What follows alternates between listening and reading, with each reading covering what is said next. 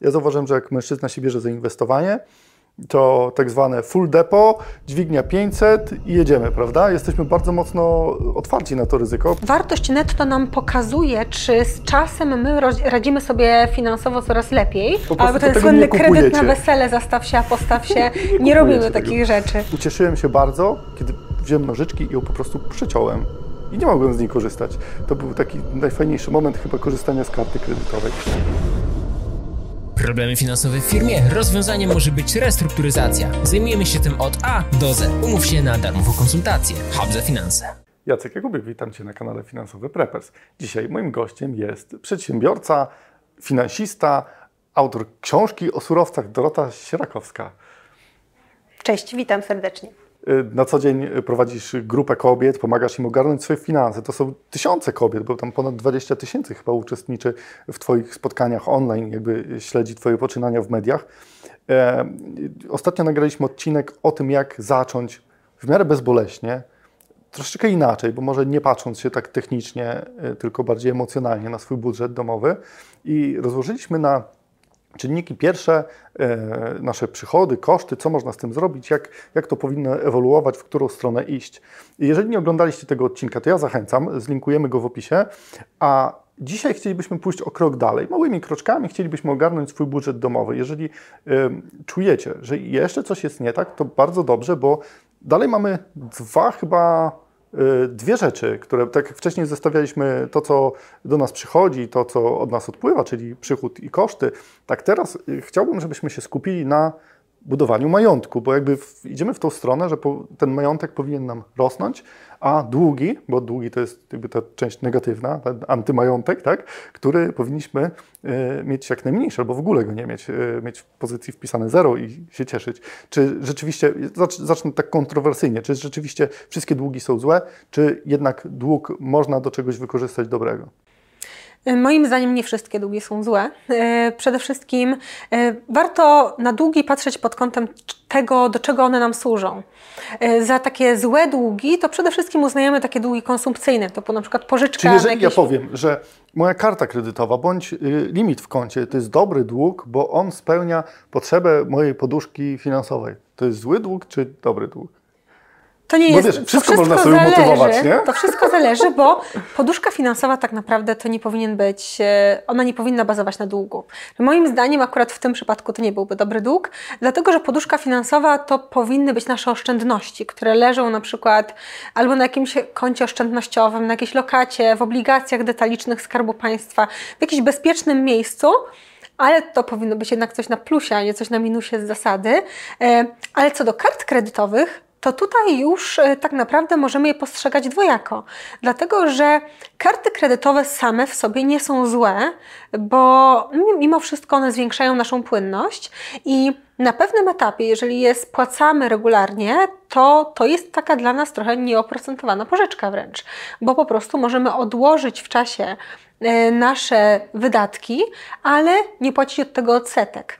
No ale oczywiście tutaj bardzo wiele zależy od tego, jaką mamy konstrukcję dotyczącą spłaty tej karty kredytowej, dlatego że Karta kredytowa potrafi być bardzo niebezpieczna, jeżeli nie potrafimy się nią posługiwać, a więc dopóki my faktycznie mamy na przykład ustawione 100% spłaty po każdym okresie, e, właśnie w każdym okresie spłaty, to faktycznie nie płacimy odsetek ale niestety, jeżeli właśnie nie spłacimy tych 100% e, po pewnym terminie, no to wtedy to oprocentowanie e, kart kredytowych jest bardzo duże i wtedy ten dług zaczyna być złym długiem. Więc tutaj trzeba bardzo uważać i przede wszystkim, jeżeli mamy karty kredytowe, to e, zobaczyć, co my mamy w tych ustawieniach karty wpisane. To teraz ja to skontruję, bo ja też zawsze myślałem, że karta kredytowa, ona, no okej, okay, tam półtora miesiąca mogę korzystać bez opłat.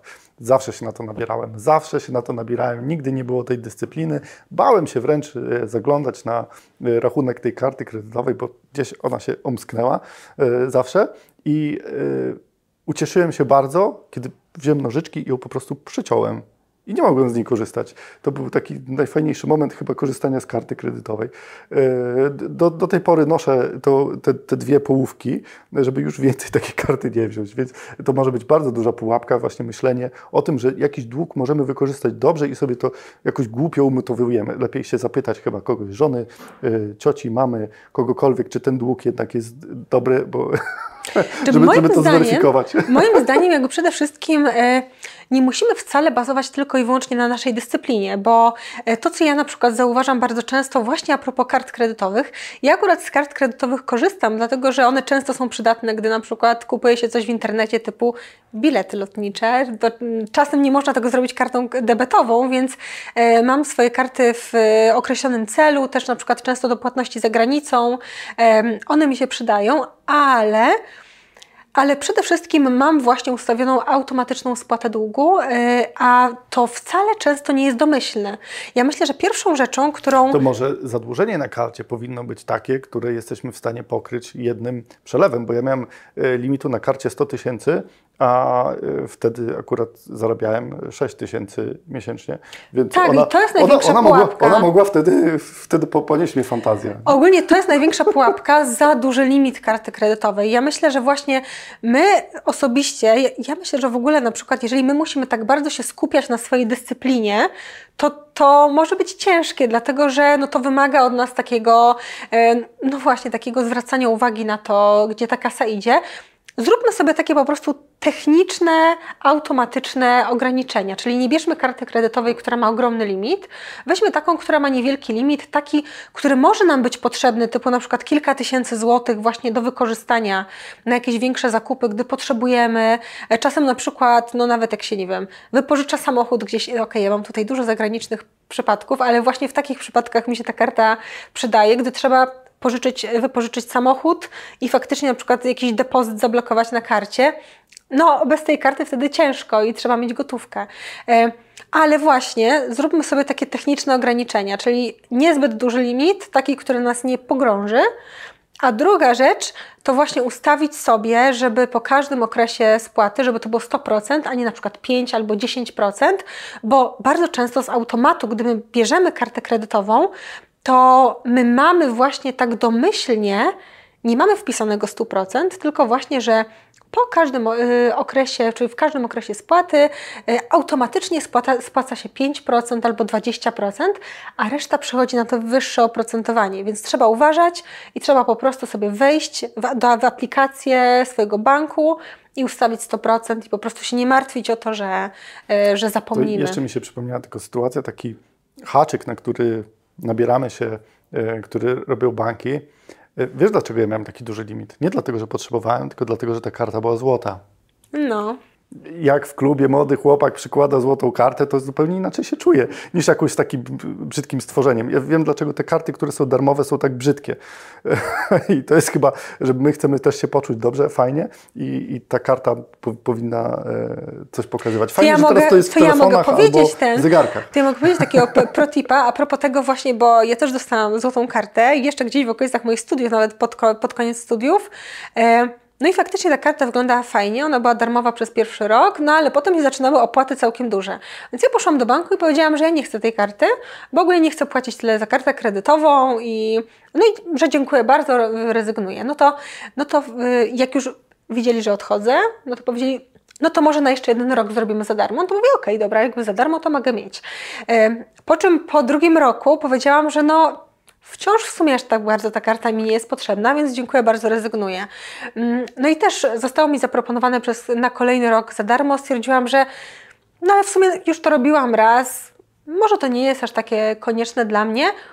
I dostałam ofertę na zawsze za darmo. Więc, y, więc ogólnie y, czasem skuteczne jest odejście od stołu, o ile oczywiście ta karta może nam się przydać, bo jeżeli faktycznie nam się nie przydaje, no to być może warto zrezygnować, ale mi się potem właśnie wielokrotnie na moich wyjazdach przydawała, więc no ale okay. jakby Hiszpania to jest taki jest tip. wielką motywacją. Tak. E, ale jak jakby ominiemy te e, kredyty takie obrotowe, konsumenckie, które teoretycznie można wykorzystać jeszcze w jakiś dobry sposób, jeżeli się to umiejętnie robi i jest się takim fanem zbierania promocji, ale prościej jest, żeby sobie ułatwiać te życie, bo nie sposób sobie nawalić dużo rzeczy, które możemy monitorować, lepiej robić to prosto. Proste jest nie mieć tego i budować oszczędności, a nie dług, bo dług jest, e, to są pieniądze z przyszłości, a tak naprawdę to, co mamy na koncie, to są pieniądze, które zarobiliśmy wcześniej i możemy je śmiało wydać, prawda? To jest nasza ciężka praca w postaci złotówek.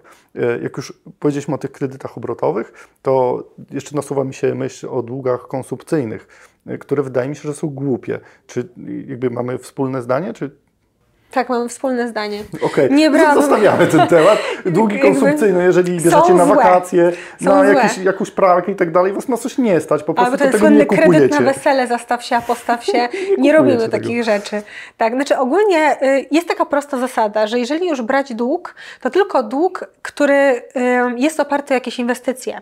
Bo czasem jest tak, że na przykład bez długu, y, typu na przykład, o, Taki sztandarowy przykład to jest kredyt hipoteczny. To jest dług, który jest uznawany za dobry dług, oczywiście jakby nie zawsze, nie wszędzie. Jak są niskie stopy. Właśnie, dlatego powiedziałam, że nie zawsze i nie wszędzie. Jak nie jest we frankach. Tak, ogólnie jakby to jest taki dług, który można wykorzystać w dobrym celu. Oczywiście też można się oczywiście w dług e, hipoteczny wkopać, jeżeli nie wiemy co robimy. Wiedza to podstawa.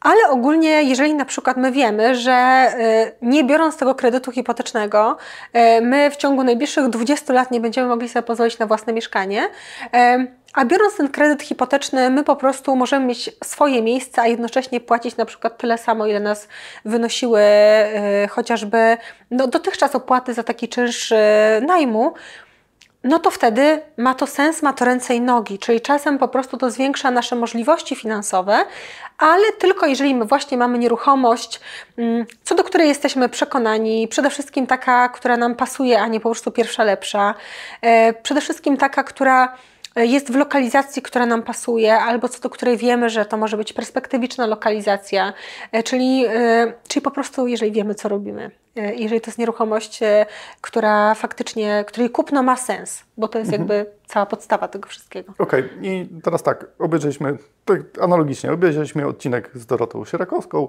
o tym, jak powiększyć swój majątek netto. Człowiek bierze kartkę i co ma najpierw zrobić? Wypisujemy majątek, i długi, tak? I co się często okazuje? Że długi są większe niż majątek pewnie. Zdarza się? Y, Zdarza tak się? też masz doświadczenie, jeżeli pracujecie nad y, budżetami domowymi z dziewczynami? Nie, na ogół, na ogół tak nie jest, y, ale pojawia się coś Faceci innego. tak mają często. Ale pojawia się coś innego. Ja myślę, że kobiety chyba z natury są nieco bardziej zachowawcze w swoich decyzjach finansowych, aczkolwiek to oczywiście też nie jest reguła, nie ma co generalizować, ale faktycznie ja zauważam inną rzecz, bo moim zdaniem w ogóle bardzo fajnym nawykiem jest wyliczanie sobie regularne naszej e, wartości netto, bo to jest taka po prostu taka wartość, taka liczba, która jest bardzo bezwzględna, która nam bardzo prosto z mostu pokazuje, ile my jesteśmy warci. Oczywiście mówię tutaj w kontekście finansowym.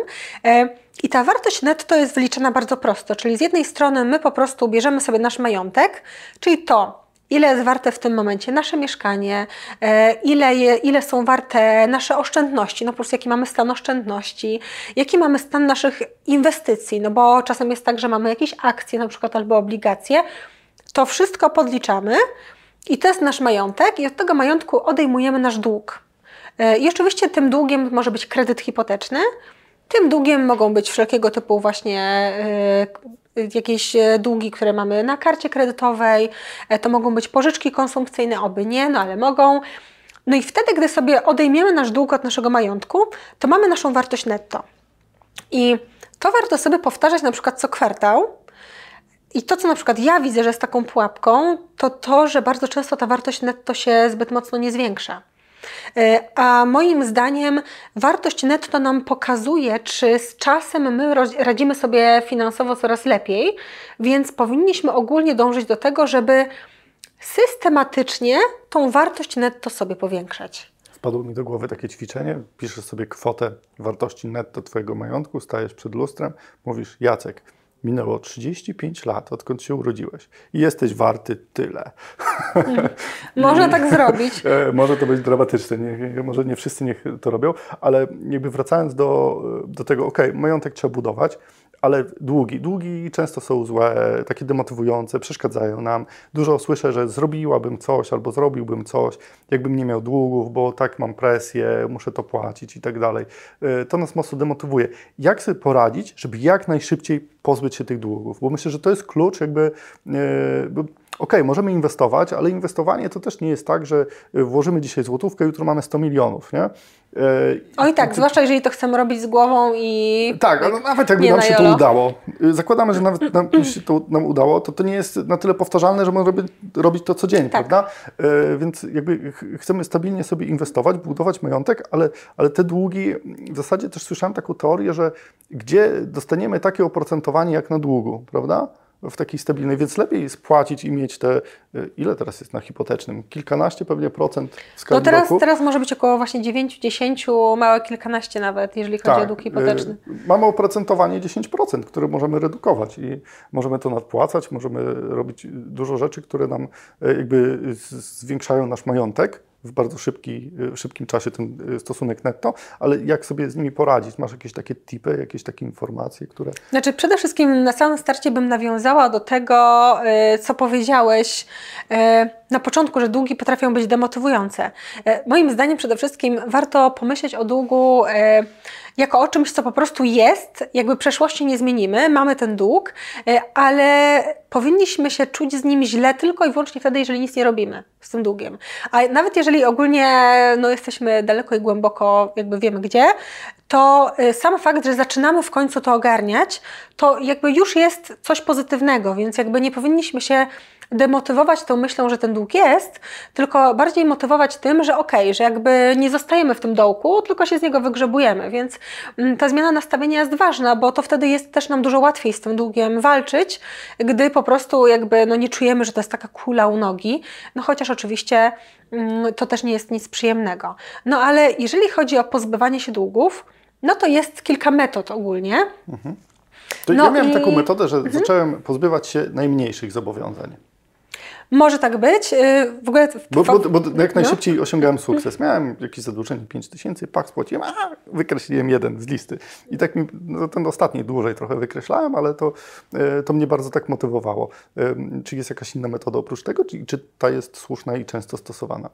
Ta jest często stosowana. W ogóle y, dla mnie to jest takie dość śmieszne. Dobrze rozmawiamy, jak jest zima, dlatego że bardzo często metody, w ogóle są dwie metody główne spłaty długów i każda z nich ma taki trochę taką zimową nazwę, bo jest e, to, co opisałeś, to jest metoda kuli śnieżnej. E, I ta metoda polega na tym, że e, w ogóle warto na samym starcie, jeżeli mamy więcej niż jeden dług, sobie te długi wypisać.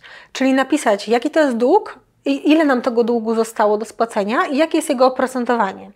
No i ta metoda kuli śnieżnej polega na tym, że po prostu na samym starcie bierzemy na tapet ten najmniejszy dług i po prostu spłacamy jego najszybciej, żeby sobie odhaczyć jeden spada z listy e, i faktycznie wtedy zająć się kolejnym najmniejszym i w końcu dotrzeć do tego największego. I to jest fajna metoda, bo jest bardzo motywująca, bo bardzo szybko my wtedy takiego nabieramy wiatru z skrzydła, że okej, okay, jakby jednego wroga pokonałem, jeszcze zostało na przykład dwóch czy tam trzech. Ale nie zawsze ta metoda jest najbardziej efektywna pod kątem finansowym, czyli tak jakby stricte pod kątem liczbowym, najbardziej się opłaca zacząć od tego długu, który jest najwyżej oprocentowany. Okej, okay, ale jak to liczymy? Bo są różne długi z różnym terminem zapadalności. I na przykład, y, czy patrzymy na RRSO, y, czyli y, rzeczywiste roczne oprocentowanie, czy patrzymy na to, ile kapitału nam zostało do spłaty, bo niektóre już są w krótkim okresie i kapitału spłacamy faktycznie niewiele, znaczy odsetek, a niektóre mamy przy samym początku i tam najwięcej odsetek się generuje. W który sposób, w który sposób liczyć, żeby to miało sens? Przede wszystkim minimalizować ogólnie odsetki, które płacimy, no ale no bardzo często jednak to oprocentowanie to ma duży wpływ na, to, y, na tę opłacalność, czyli y, właśnie ta druga metoda, czyli ta metoda, ona się nazywa metodą lawiny notabene, y, to jakby ona jest najbardziej optymalna, bo my spłacamy jakby ten dług, który w tym momencie sprawia, że my płacimy od swojego kapitału najwyższe odsetki, Ale tak przyznam szczerze, że tak z praktycznego punktu widzenia, mimo że ta metoda lawiny jest bardziej opłacalna, to w praktyce, y, tak pod kątem psychologicznym, y, często lepiej działa ta pierwsza metoda. Czyli okay, my nawet zapłacimy trochę większe te odsetki ostatecznie, ale sam fakt, że my odhaczamy kolejne długi i że one nam tak spadają, czujemy, że taki kamień nam spada z serca, no bardzo często jest jednak tym, co nas y, motywuje do dalszej pracy i do, dalszej walki z tymi długami. Zresztą... E, wiesz, też jak no? spada Ci dług, to spada Ci miesięczne obciążenie. Tak. I, i to tak. jest fajne, że widzisz, że ok, w tym miesiącu płacę mniej, nie? E, Ale też tak, na przykład taki, jak już... Taki oddech, bo jak masz trzy raty po 300 nie? i schodzisz z jednej, to już jest... Tak, w ogóle znaczy, mi się wydaje, że w ogóle na przykład jak właśnie tak, y, taki jakby jeden dług, jeden rodzaj długu nam odpada, to już jest coś takiego, że my mamy w ogóle mniej na głowie. Że nagle my nie musimy tej naszej uwagi też dzielić aż tak bardzo. E, ale jakby w ogóle plusem jest to, że bardzo często jedna i druga metoda się zazębiają, bo często jest tak, że na przykład naszym najniżej oprocentowanym długiem jest kredyt hipoteczny. E, czyli na przykład tam mamy, ok, może on teraz nie jest niestety nisko oprocentowany, no ale na przykład w ostatnich latach no często to było 4-5%. No, kontakt karty i konsumenckie są na pewno tak, bardziej. Tak, tam mamy na przykład 20%, więc y, bardzo często jest tak, że te najmniejsze długi to są też te długi, które są najwyżej oprocentowane i, i tak powinniśmy się nimi zająć y, w pierwszej kolejności. Więc to jest ten plus, że to się często zazębia i często nie trzeba wybierać. Czy przy spłacie długów o czymś jeszcze musimy pamiętać? Coś jest takie istotne, co może nam mocno pomóc, mocno zmienić? Przede wszystkim e, warto pamiętać o tym, że wszystko da się wynegocjować i żeby, e, żeby za łatwo nie składać broni, nawet jeżeli mamy kredyty, które nas mocno obciążają, czy jakieś pożyczki, które nas e, mocno obciążają. Ja nawet mam historię z moich obserwacji, z, ostatnich dni dosłownie, bo też musiałam załatwić jedną rzecz w banku, akurat osobiście. I w obu okienkach, dosłownie na trzy okienka, czyli jakby moje i te dwa sąsiednie, e, w dwóch sąsiednich okienkach były osoby, które negocjowały spłatę swoich długów. E, czyli e, o tym warto pamiętać, że Ogólnie to nie jest tak, że cokolwiek nam jest narzucone raz, że to musi być z nami na zawsze. Jeżeli mamy trudności ze spłatą długów, albo jeżeli czujemy, że po prostu odsetki nas pogrążają, spróbujmy negocjować. Tak naprawdę bankom najbardziej zależy na tym, żebyśmy my ostatecznie ten dług spłacili, mm, a nie na tym, żeby po prostu, żebyśmy się pogrążyli, zbankrutowali i żeby tego długu, e, żeby ten dług nie był spłacony. E, więc warto, zwłaszcza jeżeli mamy trudną sytuację, ciężką sytuację, to warto trochę powalczyć, bo być może wiele rzeczy da się zmienić. Zresztą to samo się tyczy w ogóle wszelkiego typu innych umów, umów związanych na przykład z, mm, z telekomunikacją i tak dalej. Bardzo często można je renegocjować.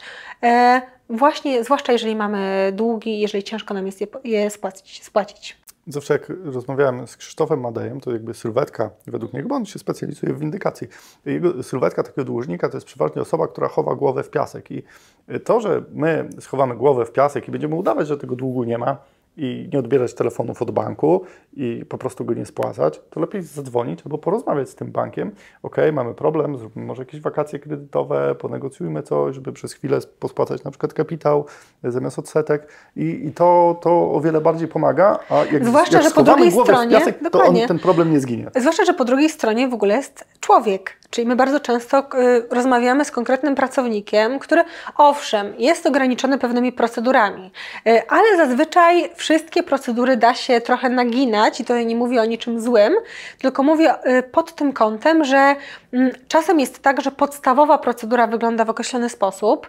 ale jeżeli na przykład mamy jakiś szczególny przypadek albo właśnie mamy szczególne trudności w spłacie kredytów, to też możemy wpaść w nieco trochę, nie wiem, nieco inną kategorię, też możemy właśnie próbować renegocjować, bo po drugiej stronie też jest inna osoba, która ma też swoje finanse domowe do ogarnięcia i bardzo często taka rozmowa da nam więcej niż e, możemy nawet się spodziewać. Tak, a jeżeli czujemy dosyć duży opór ze strony instytucji finansowej, to też mieliśmy parę wywiadów, dobrze jest się udać do doradcy restrukturyzacyjnego, który pomoże nam jakby restrukturyzować te długi, bo oni mają też zupełnie inną siłę przebicia, znajomości i inne rzeczy, wytarte ścieżki w bankach, jak to robić, więc może to będzie fajny klucz, jeżeli już mamy taki opór, a jesteśmy w bardzo dużym problemie. Ale jest jeszcze... Tak, nawet też wiele osób, na przykład zwłaszcza w ostatnim czasie, robi powiedzmy refinans kredytu hipotecznego. Czyli y, to też nie jest tak, że nawet jeżeli bierzemy kredyt na 30 lat, to nagle zostajemy z jedną instytucją na zawsze.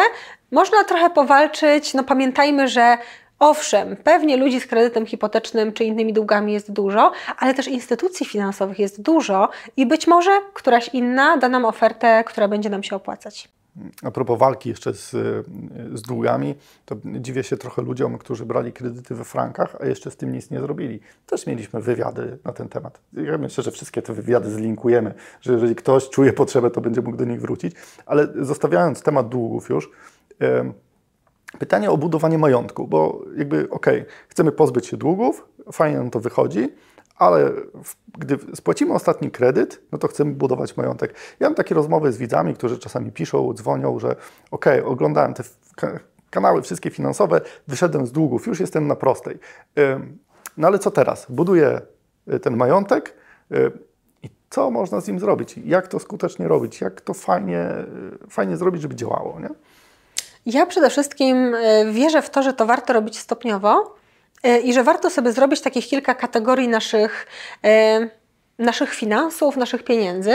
Czyli tak, zacząć, jeżeli już wychodzimy z długów, jeżeli, jeżeli już wyszliśmy na prostą, e, no to zaczyna się budowa oszczędności.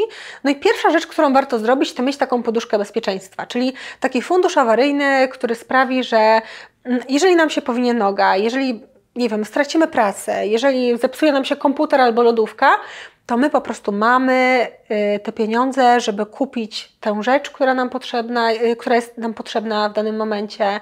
Y, albo jeżeli na przykład stracimy pracę, to nie musimy desperacko szukać teraz jak najszybciej pieniędzy, tylko faktycznie mamy czas, żeby się zastanowić, wybrać najlepszą drugą ofertę pracy, czyli hmm, tak naprawdę budowa majątku zaczyna się od tej poduszki bezpieczeństwa, czyli tego takiego bardzo tej takiej bardzo bezpiecznej części naszego kapitału e, i ta poduszka bezpieczeństwa e, faktycznie powinna być ulokowana bardzo bezpiecznie. Tutaj nie mamy zbyt dużo pola do manewru, bo to może być lokata, to może być konto oszczędnościowe, to mogą być obligacje detaliczne Skarbu Państwa, coś takiego, co jest proste, relatywnie może być łatwo dostępne, e, no i co mimo wszystko nie wydrenuje naszych pieniędzy, nie wiąże się z dużym ryzykiem.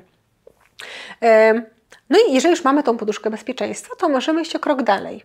E, I tutaj e, ja bym postawiła właśnie na budowę takiego długoterminowego portfela inwestycyjnego i to jest coś, co faktycznie ma za główne zadanie budowę naszego majątku na przestrzeni kolejnych lat. E, no i tutaj jest już dużo, dużo większe pole do manewru, bo no owszem, jeżeli jesteśmy na przykład bardzo tacy ostrożni, jeżeli nie lubimy ryzyka w swoim życiu, no to możemy tutaj wrzucić też obligacje. No ale to jest ta część naszego majątku, którą warto na przykład przeznaczyć na akcje, na przykład na ETF-y takie, które dotyczą całego świata, akcji z całego świata. No bo mimo wszystko, nawet jeżeli mamy y, lata kryzysów i recesji, które się zdarzają raz na jakiś czas, to patrząc tak na przestrzeni 10-15 lat, y, no to po prostu trzymanie akcji w portfelu się opłacało. Tak długoterminowo ono się opłaca i faktycznie pozwala szybciej budować naszą, nasz majątek y, niż, y, niż po prostu trzymanie pieniędzy w przysłowiowej skarpecie. No i do tego portfela inwestycyjnego można właśnie wrzucić akcje, można wrzucić jakieś nieruchomości, oczywiście w pewnym momencie, jeżeli już mamy odpowiedni kapitał. E, możemy też wrzucić tam złoto, chociażby dlatego, żeby właśnie mm, niwelować wahania tego portfela, bo bardzo często złoto faktycznie jest takim aktywem, które jest e, niezależny od tego, co się dzieje na akcjach, mm, więc ten portfel długoterminowy faktycznie pozwala nam budować majątek. No a jeżeli najdzie nas ochota na jeszcze coś więcej, to oczywiście możemy wtedy inwestować już bardziej aktywnie. E, możemy też inwestować e, w takie rzeczy, aktywa, które są e, nieco mniej popularne we wszelkiego typu inwestycje alternatywne, no ale raczej myślałabym o tym, jeżeli bym miała już zbudowane te pierwsze dwa portfele, czyli tą poduszkę finansową dla świętego spokoju i poczucia bezpieczeństwa, portfel długoterminowy, żeby nam budował majątek przez lata, a ten trzeci portfel, czyli taki spekulacyjny portfel alternatywny, żeby sobie zostawić na te rzeczy, które na przykład nas interesują. Powiedzmy, że jesteśmy fanem whisky i chcemy inwestować w whisky i to jest taka nasza inwestycja, e, która się wiąże z naszymi zainteresowaniami i e, ona jest spekulacyjna, no bo w sumie jakby e, nie wiemy jak to, jak to wyjdzie i też płynność jest tutaj mniejsza, ale mimo wszystko to też może być traktowane w kontekście inwestycji. Nie no, płynność w whisky jest dosyć duża. Ale Ale wracając, tak o tym sobie pomyślałam.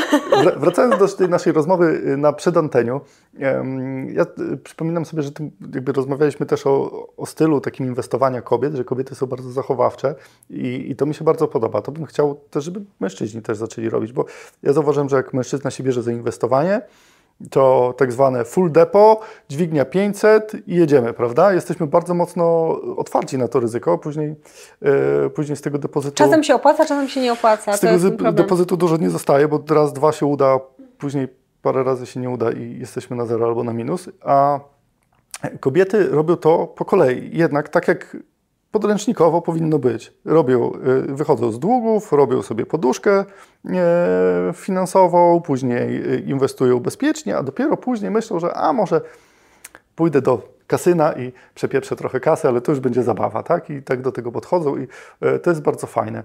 Znaczy w ogóle też jakby y, to jest fakt, że kobiety mają nieco inny styl, y, ale to też w ogóle pokazują badania. Bo oczywiście nie ma co generalizować, bo są pewnie tacy mężczyźni, też zachowawczy mężczyźni i e, ryzykanckie kobiety, ale właśnie takie badania były w Stanach Zjednoczonych, że właśnie jest bardzo dużo, że większość kobiet ogólnie ma swoje majątki jakby pod kątem bogactwa jest gdzieś na środku skali, czyli właśnie nie jest ani bardzo biedna, ani bardzo bogata, natomiast mężczyźni okupują właśnie obie te skrajności, czyli jest najwięcej bankrutów i bezdomnych wśród mężczyzn, ale też najwięcej miliarderów jest wśród mężczyzn, więc y, oba te spektra są, y, są zdominowane przez mężczyzn, no ale faktycznie y, dużo więcej kobiet jakby stawia na to, żeby sobie zbudować solidną bazę i dopiero z tej bazy y, startuje na bardziej takie spekulacyjne rynki.